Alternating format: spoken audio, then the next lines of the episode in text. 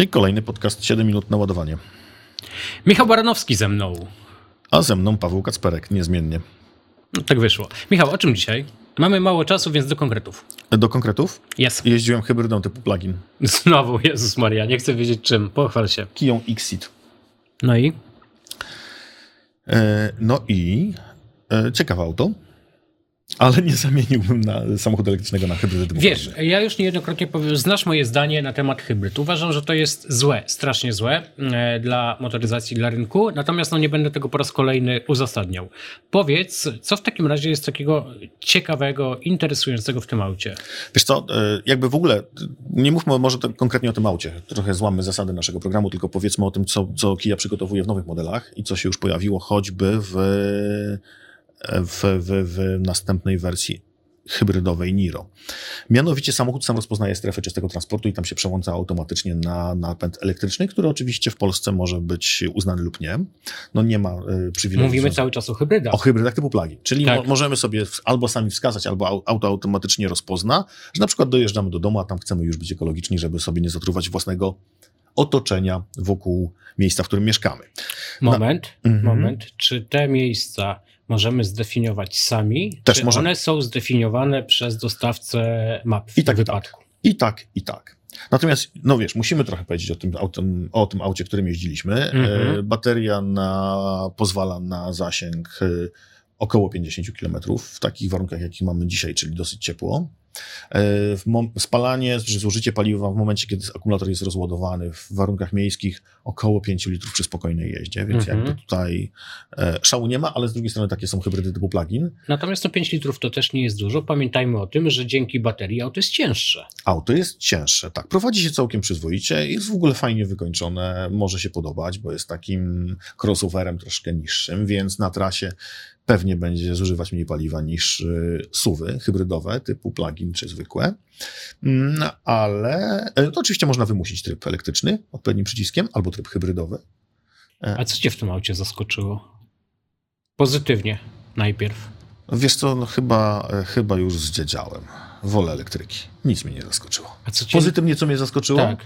E, żwawość przy naładowanej baterii. To auto naprawdę fajnie jeździ, kiedy ma, kiedy sobie k- korzysta z dwóch, z dwóch jeżeli potrzebujemy szybciej jechać, dynamiczniej przyspieszyć, naprawdę nieźle sobie radzi, łącząc A co cię rozczarowało? Bo to jest znacznie ciekawsze. Lepiej mówmy dzisiaj, może częściej skupmy się, skupiajmy się na wadach, a nie tylko na aspektach pozytywnych. Ale to wiesz co, to nie mogę powiedzieć, że mnie rozczarował zasięg, bo hybrydowe, samochody hybrydy, hybrydy typu plug-in tak mają. Ten Mhm. zasięg 50 km dla mnie już jest zdecydowanie za mało. Chciałbym jest już niewystarczający. Chciałbym, zwłaszcza przy takich cenach paliwa, chciałbym już jeździć co najmniej 100 na Tak, samochodach. ja celowałem w napędzie- 90, tak. bo uważam, że 90 km zasięgu w przypadku. Być może, o, być może gdyby hybrydy doszły do 90 km, czy tam 90-100 km dziennego, raczej zasięgu na baterii, może zmieniłbym zdanie na temat w ogóle hybryd i zasadności posiadania Ale wiesz, co mnie jeszcze rozczarowało? Tak Mhm. najmocniej? I to nie jest znowu przytyk do tego konkretnego samochodu. To, że ładowarka jest 16-amperowa jednofazo- jednofazowa, czyli ten samochód ładuje się jakieś 3 godziny i przybywa tylko 3,6 kWh w ciągu godziny, czyli malusieńko, czyli trzy razy mniej niż w przypadku samochodu elektrycznego. Ale poruszyłeś niezwykle ciekawy temat, bardzo rzadko podnoszony w ogóle przez, rzekłbym, e, przez media. Czy w takim razie w hybrydach są słabsze ładowarki pokładowe? Tak. Z czego to wynika? Sceny? Tylko i Tak mi się wyłącznie? wydaje, nie wiem. Super by było, gdyby ten samochód ładował się na przykład 11. Wtedy mielibyśmy w 50 Mhm. minut pełną baterię. I wtedy faktycznie przyjeżdżasz do biura, cyk, cyk, szybciutko. No oczywiście mi ktoś powie, że ok, ale przecież w biurze jesteś cały dzień, więc w domu się ładujesz, w biurze się Mhm. ładujesz. Ale nawet na zakupach. No Ta dobra. godzina daje ci To znowu właśnie- czysty, właśnie chciałem czysty, ci powiedzieć. czysty i tani transport. To ile w takim razie, mam tą hybrydę e, Kii, E, jadę nią do centrum handlowego, jestem w powiedzmy godzinę, półtorej godziny max w jakiejś tam galerii, podłączam to pod jedenastkę, tak, bo zazwyczaj pod AC, E, nawet w waszej, w waszej sieci. Ile mi to da zasięgu w tym aucie? Godzina? Tak. 10 kilometrów? No, 20. To mogę no trochę słabo. 20? Serio? Przyjmie tyle? Przyjmie. 20. No wiesz, o ile jeździsz spokojnie, to wszystko jest ok. Ale Mhm. jeżeli masz ciężką nogę, jak to się mówi, To z tych 20 zrobi się 15, Pięć. może 13. No, 5 bez przesady, Więc ale mało. no to mało, to, to rzeczywiście nie najlepiej.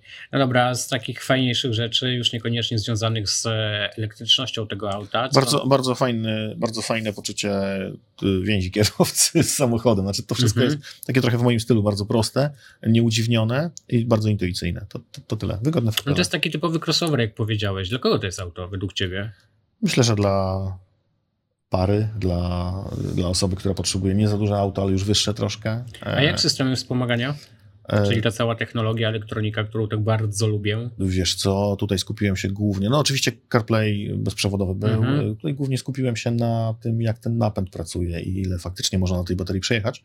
Mm, Natomiast jakby jest zgodne z trendami, czyli mamy już bezprzewodowego, bezprzewodowe, bezprzewodowe Android Auto, CarPlay, to wszystko jest. E, ile tym autem jeździłeś? Bardzo krótko, bo niecałe dwa dni.